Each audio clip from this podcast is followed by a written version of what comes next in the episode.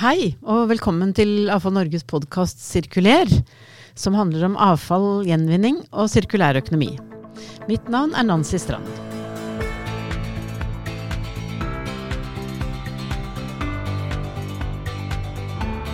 I dag skal vi snakke om moderne deponier. Hvilken rolle spiller de i en sirkulær økonomi? Og det er i hvert fall noe helt annet enn de historiske søppelfyllingene. Men det skal vi høre med om. Og med oss så har vi Ida Nilsson fra Norsk Gjenvinning M3. Og vi har Thomas Hartnick fra Lindum. Velkommen til dere. Tusen hjertelig takk. Du, dere er begge medlemmer i AFA Norges faggruppe for de på ni og masser. Um, og dette her er en serie eh, med alle faggruppene. Og når vi spiller inn denne podkasten, så har vi akkurat hatt faggruppemøte, faktisk. Så vi har uh, allerede i gang med diskusjoner. Og så vidt jeg klarte å bryte inn og si nå skal vi starte samtalen, dere. For her er vi i farta. Dere er opptatt av uh, at uh, bransjen skal utvikle seg, og er veldig opptatt av hvordan ting gjøres. Men hvordan begynte dette, Thomas? Med meg begynte det uh, at jeg kom til Norge for 26 år siden. Um, og så drev jeg en god del år, 13 år, i, som forsker. Jobbet med forurenset grunn, litt på avfall. Men så ble jeg i 2012 ble jeg um, leder for avfall og grunnforurensning i Miljødirektoratet. Og da skøyt det fatt. Da ble jeg veldig interessert i, i avfall. Og Det som jeg syntes var så spennende, det var at ting endrer seg for øyeblikk i bransjen så veldig. Og det er hele tiden noe nytt og noe endring og noen utfordringer som man må reagere på. Og det trigger meg. Og nå jobber jeg um, siden 2019 uh, som forsknings- og utviklingsleder i Lindum. Vi skal komme litt mer inn på hvilke andre ting du holder på med. Men, eh, men Ida, litt hvordan begynte denne interessen for din del? Ja, altså jeg er sivilingeniør i kjemi, eh, med miljøkjemi i bånn. Det var en grunn for det. Eh, det var fordi at jeg skulle ut og redde verden. så har det kanskje hendt at det har gått noen år, og så har idealismen minket, og realismen har kanskje tatt over litt. Men jeg må si at jeg er fortsatt veldig opptatt av å passe på ressursene våre. Eh, masser er jo de ressursene jeg på en måte har brukt 20 år av livet mitt på å passe på. Eh, nå sist, eh, fra et halvt år tilbake, i Norsk Gjenvinning N3. Altså Norsk Gjenvinning sitt massehåndteringsselskap. Mm, mm. Så, så, men altså, vi må bli litt kjent med, med dere også. For uh, Thomas, jeg vet at du, du, er, uh, du har en veldig artig hobby. Um, jeg tror det var kanskje forrige gang vi møttes, så hadde du med deg en, en hund som du skulle passe på. Det Hvorfor stemmer. det? Jeg er en hund, en veldig aktiv hund, faktisk. Um, som jeg skal utdanne som en redningshund. Jeg har drevet nå i seks år med redningshunder. Har hatt en godkjent redningshund. Og da bistår vi politiet og Hovedredningssentralen med å finne savnede personer. Enten de som er motløse, eller de som er demente, eller bærplukkere som går seg vill. De prøver vi å finne. Fordi hun har en så fantastisk nese, er han mye bedre å finne folk enn oss mennesker. Mm. Så ikke bare blir du kalt ut på deponiet til uh, alle til ganske mange av døgnets tider, har jeg følelsen av, men du, du blir også kalt ut til, til den type oppdrag, du? Mm, særlig om natta. Ja, ikke sant? og der sitter man der. Men det er det som er så fantastisk, at uh, man møter så andre folk og uh, driver med, med, en ting som er viktig, og det, det tilfredsstiller. Mm. Og hva med deg, Ida? Har du noen spennende ting du driver med på fritida som uh, ivaretar engasjementet ditt på den kanten? Jeg er ikke så nobel som, uh, som Thomas og redder folk, men jeg underholder folk på fritiden. okay. Jeg spiller cello, blant annet. I, eh, og annet i Oslo Symfoniorkester. Ja. Så da prøver jeg å underholde folk, og så kan han redde de eh, når ja. det er behov for det. Ja, ja, kanskje det. To viktige eh, oppgaver for å sette mot i folk. Um, og det skal vi snakke litt mer om nå, fordi det, det um, Altså, min uh, lille kjepphest da, når vi begynner å snakke om deponier Vi begynte å si Vi vet jo at vi egentlig ikke skal bruke det ordet som begynner på F, med, med fylling. Eh, men det er jo veldig mange som bruker det ordet i dagligtale. Eh, Søppelfylling. Søppelfylling. Jeg skal på fyllinga, sier de, og så skal de egentlig på Mm. gjenvinningsstasjonen. Da blir jeg litt sånn Jeg pleier ikke vanligvis å rette på folk, men akkurat da får jeg veldig lyst til å gjøre det. Så, så, eh, men et, et moderne deponi, altså hva, hva er det vi egentlig For vi legger jo egentlig ikke så veldig mye på deponi lenger, men hva er det som går dit? For mitt vedkommende så er det veldig mye gravemasser som er forurensa. Og så er det rivingsavfall. Eh, Det er vel kanskje de store fraksjonene på de aller fleste moderne deponier. Så har vi en del industrifraksjoner som Ja. slagg, eh, som aske, f.eks. bunnaske fra avfallsforbrenning som går på deponi. Og så av og til så går det helt spesielle ting på deponi. F.eks. Uh, vi hadde for to år siden har vi deponert geiter. som Det var en fjøsbrann. Og da måtte myndighetene finne ut hva skal vi gjøre med alle disse døde geitene. Og de ble da også lagt på deponi. Så deponi er også viktig som et beredskaps, i beredskapstilfelle. Ja. Så det kommer inn eh, det, for det du, det du snakker om, Ida, det er jo, eh, altså det er jo noen av de største liksom avfallstypene vi har i mengde, da, i tonnasje. Eh, men det kommer også inn, eh, inn eh, på å si, veldig mange forskjellige andre ting, har jeg skjønt. Mm. Men, men, men hva tenker du er, et, hva er deponienes viktigste oppgave i dag? Jeg tenker Det spørs litt om man skal liksom ta deponi som deponi. Altså hva skal jeg si, den tradisjonelle betraktningen rundt at det er en permanent sluttholdeplass for ting. Eh, eller om man også skal trekke begrepet ut og på en måte få inn gjenvinningsdelen også. For jeg tror både, eller Alle vi tre som sitter her, er jo kanskje opptatt av at mest mulig skal gjenvinnes. Og minst mulig skal deponeres. Men så er det noe sånn at um, alt er ikke gjenvinnbart. Kanskje det har for eh, mye forurensninger i seg. Kanskje det er for dårlig kvalitet, så det ikke nytter på en måte å gjenvinne det. Og da er det ikke noe vits å prøve heller, for det blir ikke noe bra, uh, bra av det. Uh, men, men i hvert fall at man prøver å, å på en måte plukke ut det som går å bruke igjen. Og så legger man resten på, på, eh, på liksom et mer klassisk deponi. da. Mm. Og så er det Ja. også Hvis man prosesserer på ting og gjenvinner det, så er det jo alltid en restfraksjon også, Mm. som eh, må havne et sted. og Da er det fort et deponi, da. Ja. Mm.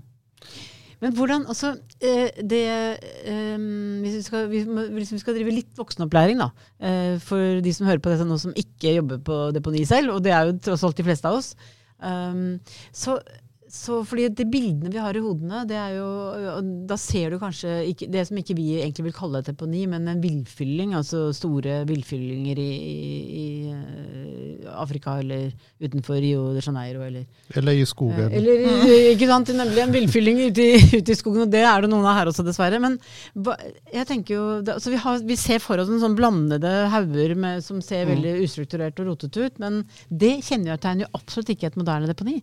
Nei. Eh, I dag er deponiene bygget opp på en helt annen måte enn tidligere. Tidligere har man kanskje fylt opp Ravinedal um, og dekket det til, masse måker osv. Mye lukt. I dag ser deponiene helt annerledes ut. Um, deponiene er i dag eh, prosjekterte konstruksjoner. Vi har en dobbeltsikring i bunnen.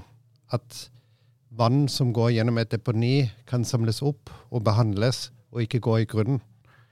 Vi har toppdekke, og vi avslutter deponiet på, på en profesjonell måte, slik at ikke nytt vann går inn, eller nedbørsvann går inn, og at ikke gassen går ut.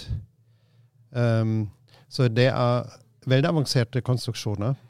Og det er også sånn at uh, vi må se hvilken type avfall vi legger sammen, f.eks. At vi får minst mulig um, utlekking av miljøgifter, slik at de ikke havner i sigevannet. Uh, vi stabiliserer avfall og den type ting. Og vi må, vi må lage konstruksjoner, at det blir stabile konstruksjoner. At vi ikke har setninger i etterkant, f.eks. Det blir et mindre og mindre problem også med en ny type avfall, som ikke brytes ned på samme måte. Da får de også mindre setningsproblemer. Så jeg tror Mm. at mye av det problemene der er, eh, er vi nok til dels kvitt. i hvert fall. Ja. Fordi det er jo sånn, Mm. det, det er jo også sånn at uh, når man avslutter deponi, så skal jo overflaten brukes til, til nye aktiviteter. Ja. Uh, til grøntanlegg, golfbane, landbruksområde, den type ting. Mm. Eller veier, eller Ja, godsterminaler, som vi driver og holder Ja. på og Ja, ja, bygger. da. ikke sant. Ja. Men det er, det er ikke bare enkelt å få det der til å fungere i praksis? Uh, eller er det, det er, en, er det særlig de gamle deponiene som, hvor vi har en utfordring med at vi faktisk skal ha etterbruk av det arealet når de er ferdig avsluttet? Altså, som I vårt tilfelle, da, som bygger som sagt dette var deponier er en eh, fylkesvei. Eh, Eller skal bli en fylkesvei. Og et, den andre er et godsterm, en godsterminal. Og da er det veldig viktig for oss eh, selvfølgelig at vi har kontroll på miljøgifter, som Thomas var inne på, da, men også at vi har kontroll på, på geoteknikken, egentlig. Vi må bygge det opp på en sånn måte med sånne typer masser som gjør at det, det ikke setter seg etterpå. At det er på en måte byggbare masser vi, vi tar inn også og legger dem ut på en veldig god måte for å kunne få få det arealet opp på toppen som Mm. vi ønsker etterpå. Da. Ja. Mm. Det er jo litt spesielt på den måten. Da. Dere snakker om, om deponiceller. Eh, hva, hva, er, hva er en celle på et deponi? En deponicelle er en, um, en del av et deponi hvor vi legger masse som har visse egenskaper. For eksempel ehm, eh, visse typer farlig avfall eh, legges i en celle. Det er ofte sånn at man um, har en, en egen uh, um, sikring, uh, at det ikke er i kontakt med, med andre masser. At man på en lettere måte kan fange opp sigevann. At de avsluttes når de, når de er fylt opp. Den type ting av en celle. Men jeg blir jo veldig nysgjerrig. Altså, hva slags kompetanse har de? For det, dere snakker jo om veldig det er, det er jo som du sier, det er jo prosessanlegg, egentlig. Og hva slags kompetanse har de som jobber på, på et deponi? På mine deponier så er det stort sett anleggsarbeid, altså entreprenører, for å si det sånn. Det er egentlig en eh, infrastruktur vi bygger, så i mitt tilfelle så er det det. Så har vi på en måte sånn stabsfunksjoner som passer på miljø, og som passer på kvalitet, og at vi har mottakskontroll for ting. Og, men det er veldig bredt egentlig sammensatt hos meg, i hvert fall. Det gjelder sikkert hos Thomas også. Mm. Hos oss det, har det endret seg litt. Sånn tidligere um, Tidligere var det jo helt generelt sånn at avfallsbransjen, da var man litt sånn i bunnen av samfunnet. Når man ikke fikk en annen jobb, så, så, så fikk man i hvert fall på, på fyllinga en jobb. Og det har endret seg fullstendig.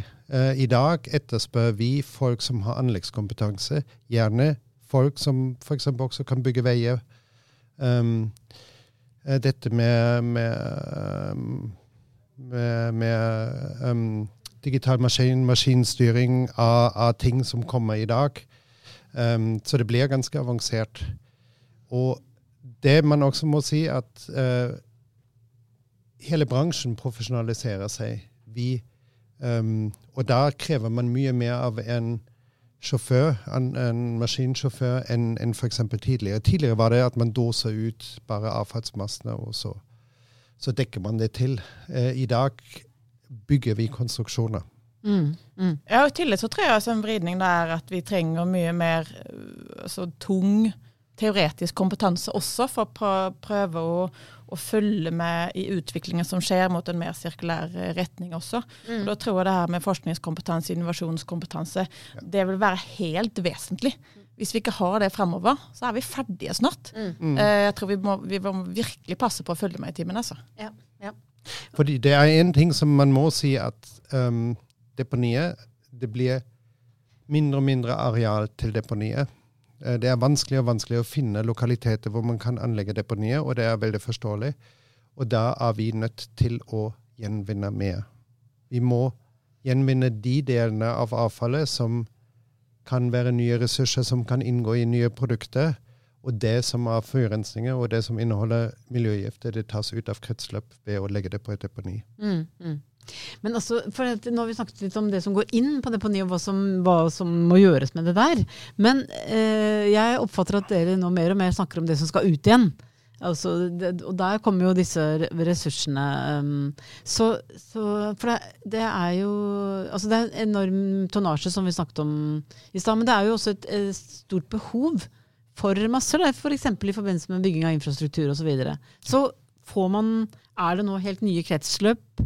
Eller er det Ja, hvordan Ja. Eh, ja. Og samarbeidskonstellasjoner. Ikke minst det. Jeg er helt enig. Ja, det er spennende. Hva, hva, er det nå de Hvordan kan man gjenbruke masser som uh, før ble liggende? Det er jo stort sett, altså Hvis vi tenker gravmasse, så er det stort sett på en måte steindelen av massene som er det du gjenbruker eller gjenvinner eller ombruker, eller hva du skal kalle det for noe. Eh, og, det, og det, har du, du må jo ha et forhold til kvalitet der også. Du kan ikke bare putte den steinen du måtte få ut av disse massene hvor som helst. Til, du, må, du, må, ha et veldig um, Du må være veldig bevisst på produktkvaliteten på det du lager, for at det skal være godt nok til det formålet du bruker til. Mm. Det er på en måte en, en, viktig ting som ikke har vært eh, relevant for deponier før, men som den kompetansen er kjempeviktig fremover. Også. Mm. Og det er det f.eks.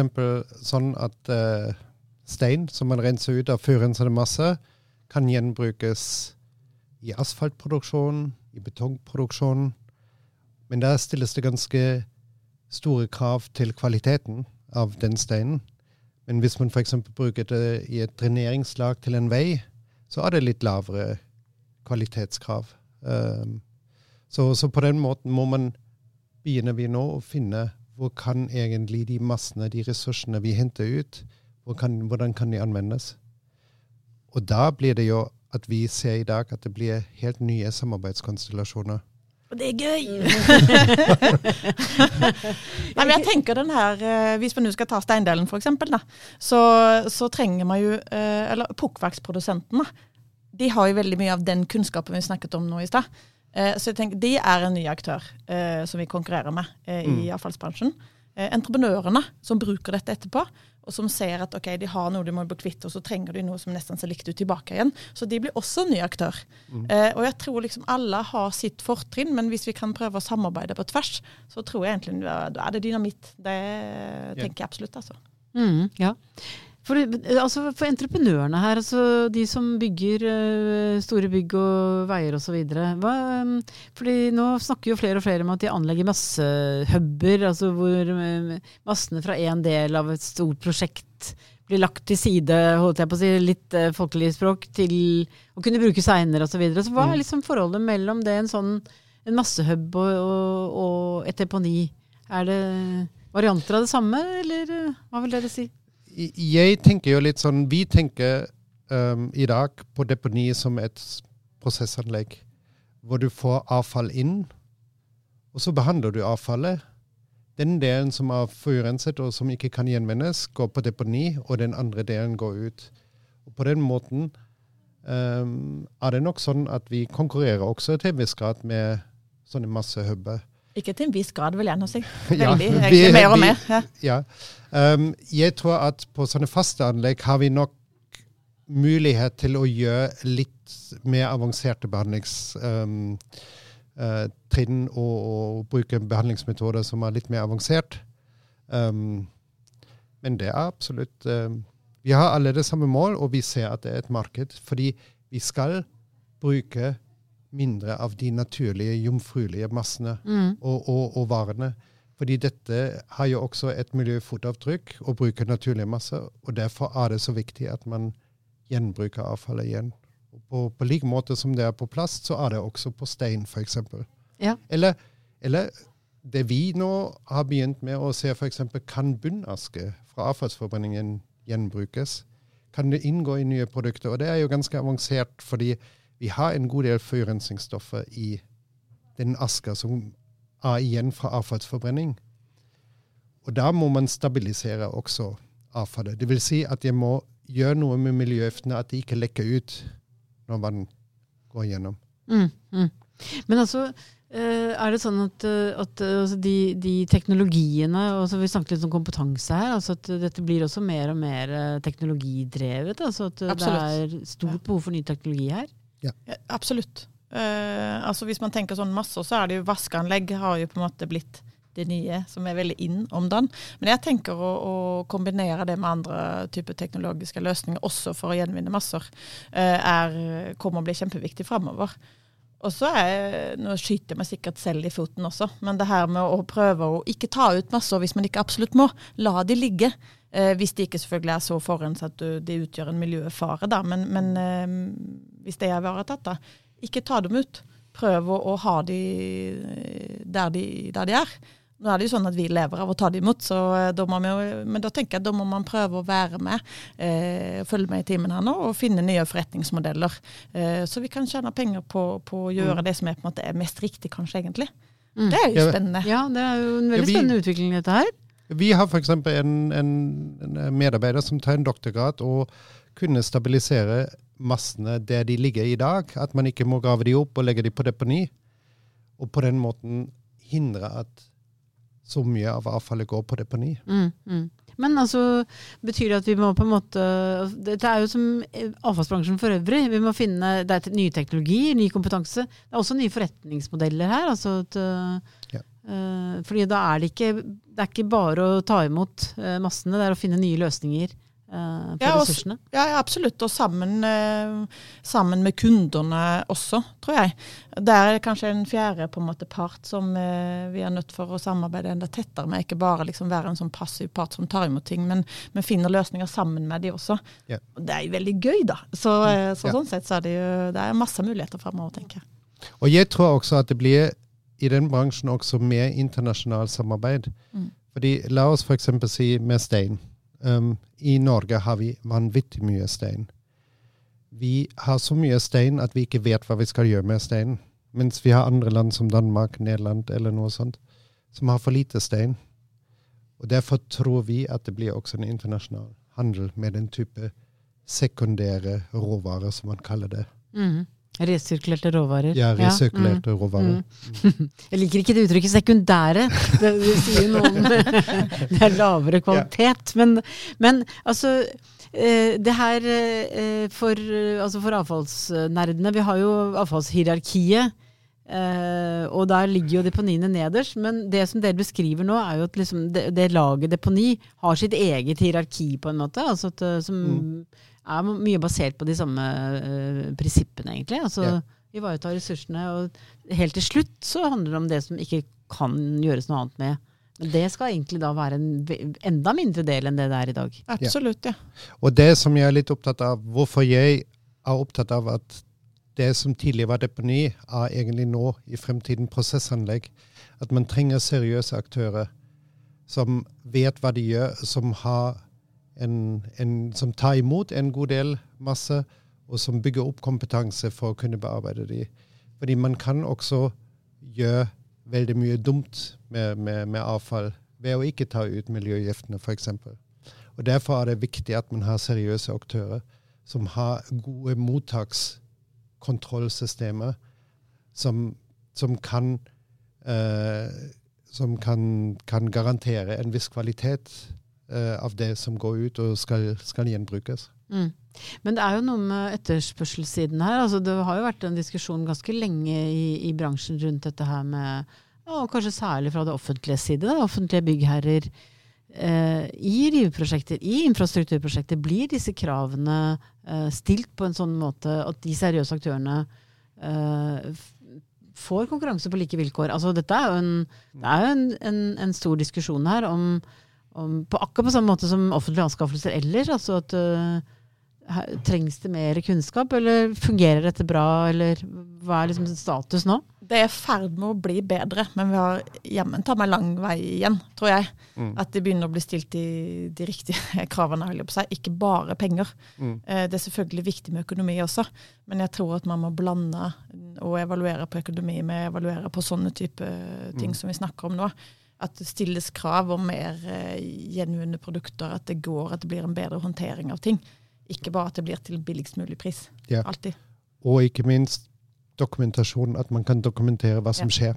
Mm. Og det er jo nå i ferd med å, å, skje med sånne digitale hjelpemidler. Um, ja, det er jeg veldig nysgjerrig på. Ja. Altså, for det her skjer også en, en digitalisering på, på, på, deres område. Mm. Uh, og hvordan, eh, hva vil det si i praksis? Vi har digitalisering på ulike områder. Um, vi har digitalisering når vi anlegger et deponi. Så lager vi en digital tvilling av deponiet. Dvs. Si at vi lager digitale modeller som viser hvordan deponiet er bygd opp. Hvor er det rød? Hvor går sigevannet ut? Hvilke avfallsfraksjoner ligger hvor? Um, det kan vi bruke etterpå også og se har vi setninger i, i et avfallsdeponi. Har vi noen utfordringer med en avfallsfraksjon som vi har for ti år siden f.eks. deponert her og der? Um, at den genererer veldig mye miljøgifter i sigevann. Uh, sånne ting vi, har vi mye bedre kontroll. Det er den ene type kontroll. Og så er mottakskontroll og digitale verktøy på mottakskontroll uh, som vi bruker. Bruker dere det, Ida? Eh, vi har i hvert fall digitalt skjema, men Ja. eh, vi har snakket litt om at vi skal prøve å få det enda mer Mm. eh, ordentlig digitalt. på det. Mm. Men jeg tenker det her med sporbarhet av masse også er, ja. er på en måte også et, eh, en ting som, eh, som kommer mer og mer. Og akkurat det blir det stilt mer og mer krav for fra myndighetene også.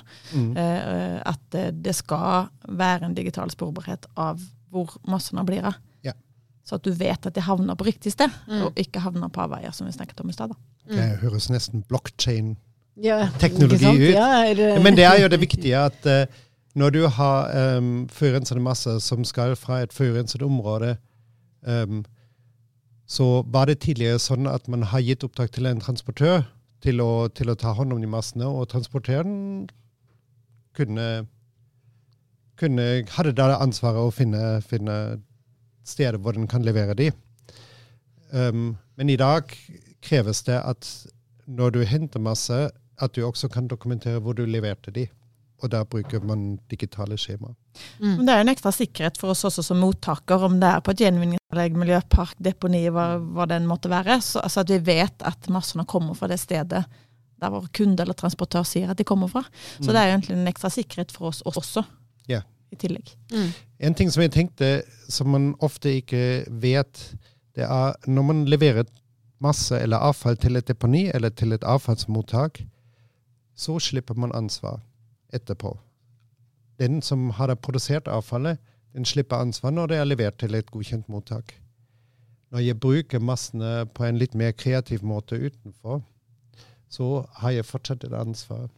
Så det er jo en fordel også for den som genererer avfall, at den vet nå er jeg kvitt ansvaret mitt.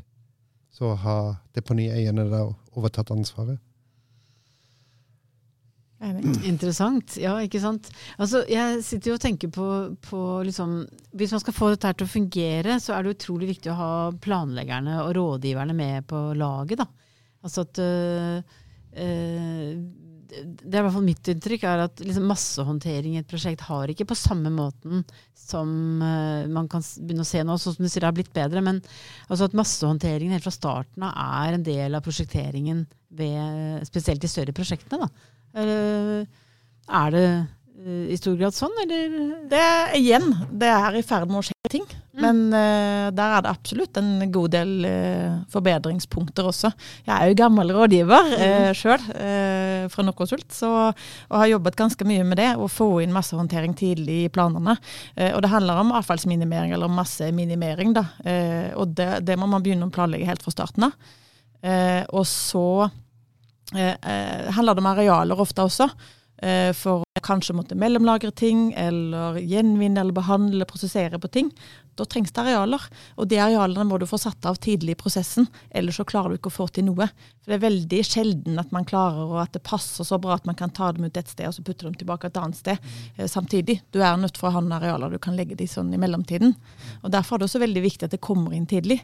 Eh, ellers så på en måte, da går, det, går toget fra deg Mm. på slutten. Mm. Men så tror jeg det her med å samarbeide mellom rådgiveren og entreprenøren og byggherren, det er kjempeviktig for å få til, eh, til få ordentlig sving på dette her. Da. Så det, og det, det tror jeg også er i ferd med å skje, men eh, det er også mye forbedre- forbedringspotensial der også. Og Mm. avfallsbransjen selvfølgelig inn der også. Altså, Thomas, du røpet jo at du har en bakgrunn fra Miljødirektoratet. og Jeg skal ikke bruke det mot deg, men eh, liksom, hva, hva, jeg tenker litt sånn eh, Dette er jo veldig Det er på en måte veldig viktig at regelverket At vi har gode ramme, et godt Ja. rammeverk her. da. Så, så øh, hvordan øh, liksom, Hvordan tenker dere rundt utvikling av regelverket nå? Nå har det akkurat vært en stor endring i, i deponiforskriften. Ja. Og, eller den er vel på gang, da, for det, det, det skjer ting i hvert fall. Eh, så hvilke, hvilke, og dette har vært en stor diskusjon i den faggruppen eh, Ja. i AFO Norge som vi har snakket om. Så hva er det som Jeg har vært kan- aller viktigst for dere? Jeg kan jo si at en ting som er veldig veldig viktig, um, det er at man har et tydelig regelverk som gjør at bransjen um, vet hva de må gjøre. At man har litt sånn de samme krav til, til bransjen. Og um, bare, bare for å illustrere det litt.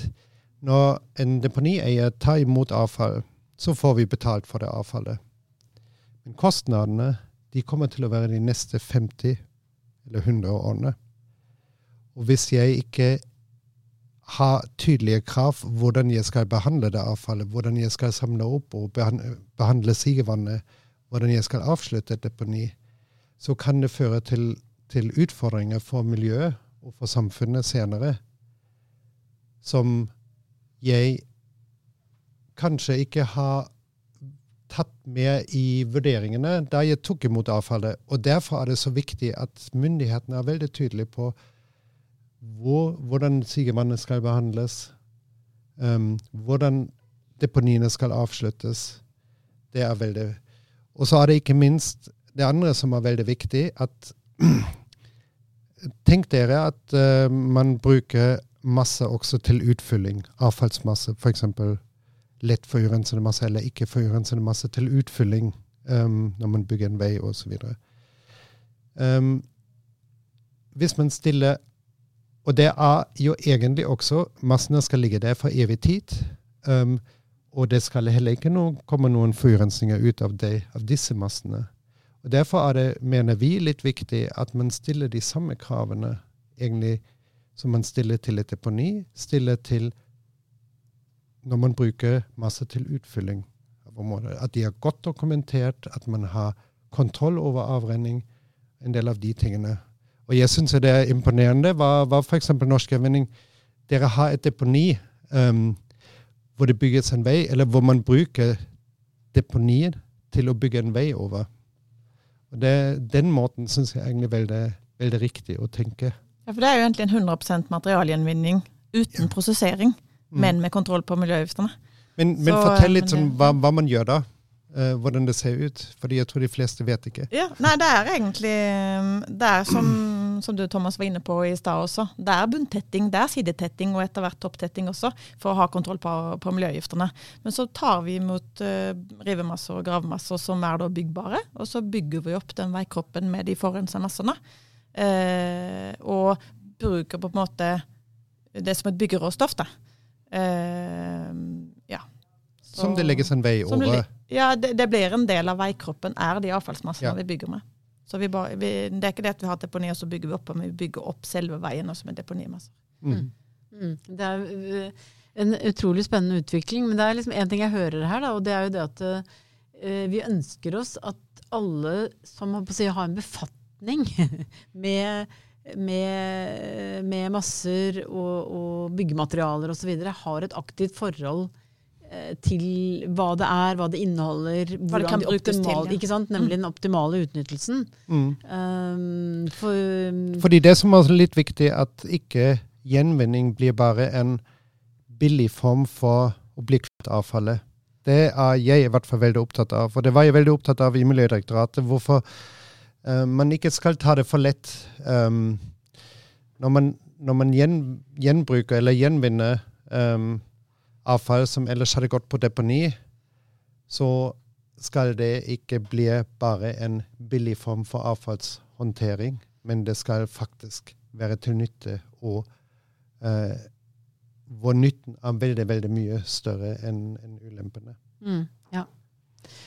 Ja. Hva, hva sier du, Ida? Jo, nei, jeg, jeg er selvfølgelig helt enig med Thomas. Eh, men, men det jeg tenker også i forhold til det her med myndigheter og, og den litt sånn vrien på, på massehåndtering og deponering som vi, som vi snakker om nå, så tenker jeg det også er viktig. Det er en oppfordring til alle miljømyndigheter i dette landet.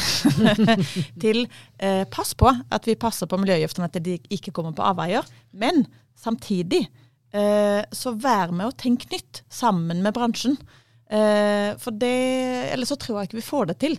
For det er ikke nødvendigvis alle de nye, smarte løsningene man kommer opp med, at de passer helt inn i det regelverket som det ser ut nå, og som det har sett ut de siste 20 årene. Men man er nødt for å på en måte være med på å tenke nytt og i forhold til hvilke krav man stiller, og tillatelser, og hvordan de er skrudd sammen. Så det er en sterk oppfordring til, til, alle å være med på dette her, men selvfølgelig passe på at, vi, vi ikke, at det ikke kommer på avveie, disse forurensningene. Mm, mm. Altså, eh, den, den, denne balansen da, mellom eh, den, den, funksjonen å ivareta at ikke miljøgiftene lekker ut i, i mm. miljøet, men samtidig utnytte ressursene optimalt. Det er, eh, det er, en ganske krevende balanse, da. Ja, absolutt. Det, det er en krevende balanse, og du um, uh, Og, det, og det, det, er en avveining, fordi du, du, har aldri et avfall som er helt fritt for forurensninger. Um, men samtidig kan du ikke bare uh, legge alt på deponi eller forbrenne det som inneholder litt miljøgifter. Uh, fordi da vil du få et problem etter hvert at du ikke har noen ressurser. Mm. Um, uh, og det, den balansen, den må vi ha. En ting som for jeg tenker hvor, hvor, man må tenke litt nytt, det er på miljøgifter. Det er um, Miljøgifter er farlig da når de lekker ut, når de tas opp av organismer og mennesker. Men så lenge de ikke lekker ut, og så lenge de ikke kan tas opp av organismer og mennesker, så er de ikke farlige. Så bare at man har f.eks. bly um, i et avfall, betyr ikke nødvendigvis at den er farlig. Vi har, vi har krystallglass som har veldig, veldig mye bly, og vi drikker vin ut av de glassene. Og på samme måte må man tenke også på avfall. Ikke alt er tilgjengelig av miljøgifter. Nei, Finne stabiliseringsløsninger som et supplement eh, til deponering og gjenvinning, det er absolutt, det har jeg veldig tro på. Mm. Ja. Vi må gå inn for landing, men, eh, men eh, hva tror dere blir liksom det, det, store som vi må jobbe med fremover? Enten det er si, utfordringer eller muligheter? Jeg vet at du er veldig opptatt av mulighetene. Så hva tror du er det, det mye morsommere enn utfordringene, i hvert fall. Den morsomste muligheten uh, fremover som du har lyst til å jobbe med? Oh, nei, det var vanskelig spørsmål, det. Uh, det var veldig ja. vanskelig. Nei, uh, ja, men jeg, jeg, tror egentlig bare det er ikke så farlig hva vi gjør, så lenge vi har fokus på det, og, og, på en måte passer på det vi har, og ikke kaster det bort. Uh, og jeg tror det er på, som du var inne på i stad også, Thomas, å, å, gjøre det sammen. Eh, jeg tror vi er nødt for å, å mikse kompetanse på en annen måte. Mm. Og da får vi til noe som er skikkelig bra. Og så må alle tørre å prøve. Det tror jeg det er også et veldig viktig element av å ikke være så, ikke være så redd. Det, vi må passe på, men vi må samtidig også tørre å teste noe som er litt nytt. Mm. Det, det, er det som er gøy, syns jeg. Ja. Mm. Helt enig med, ja. med Ida.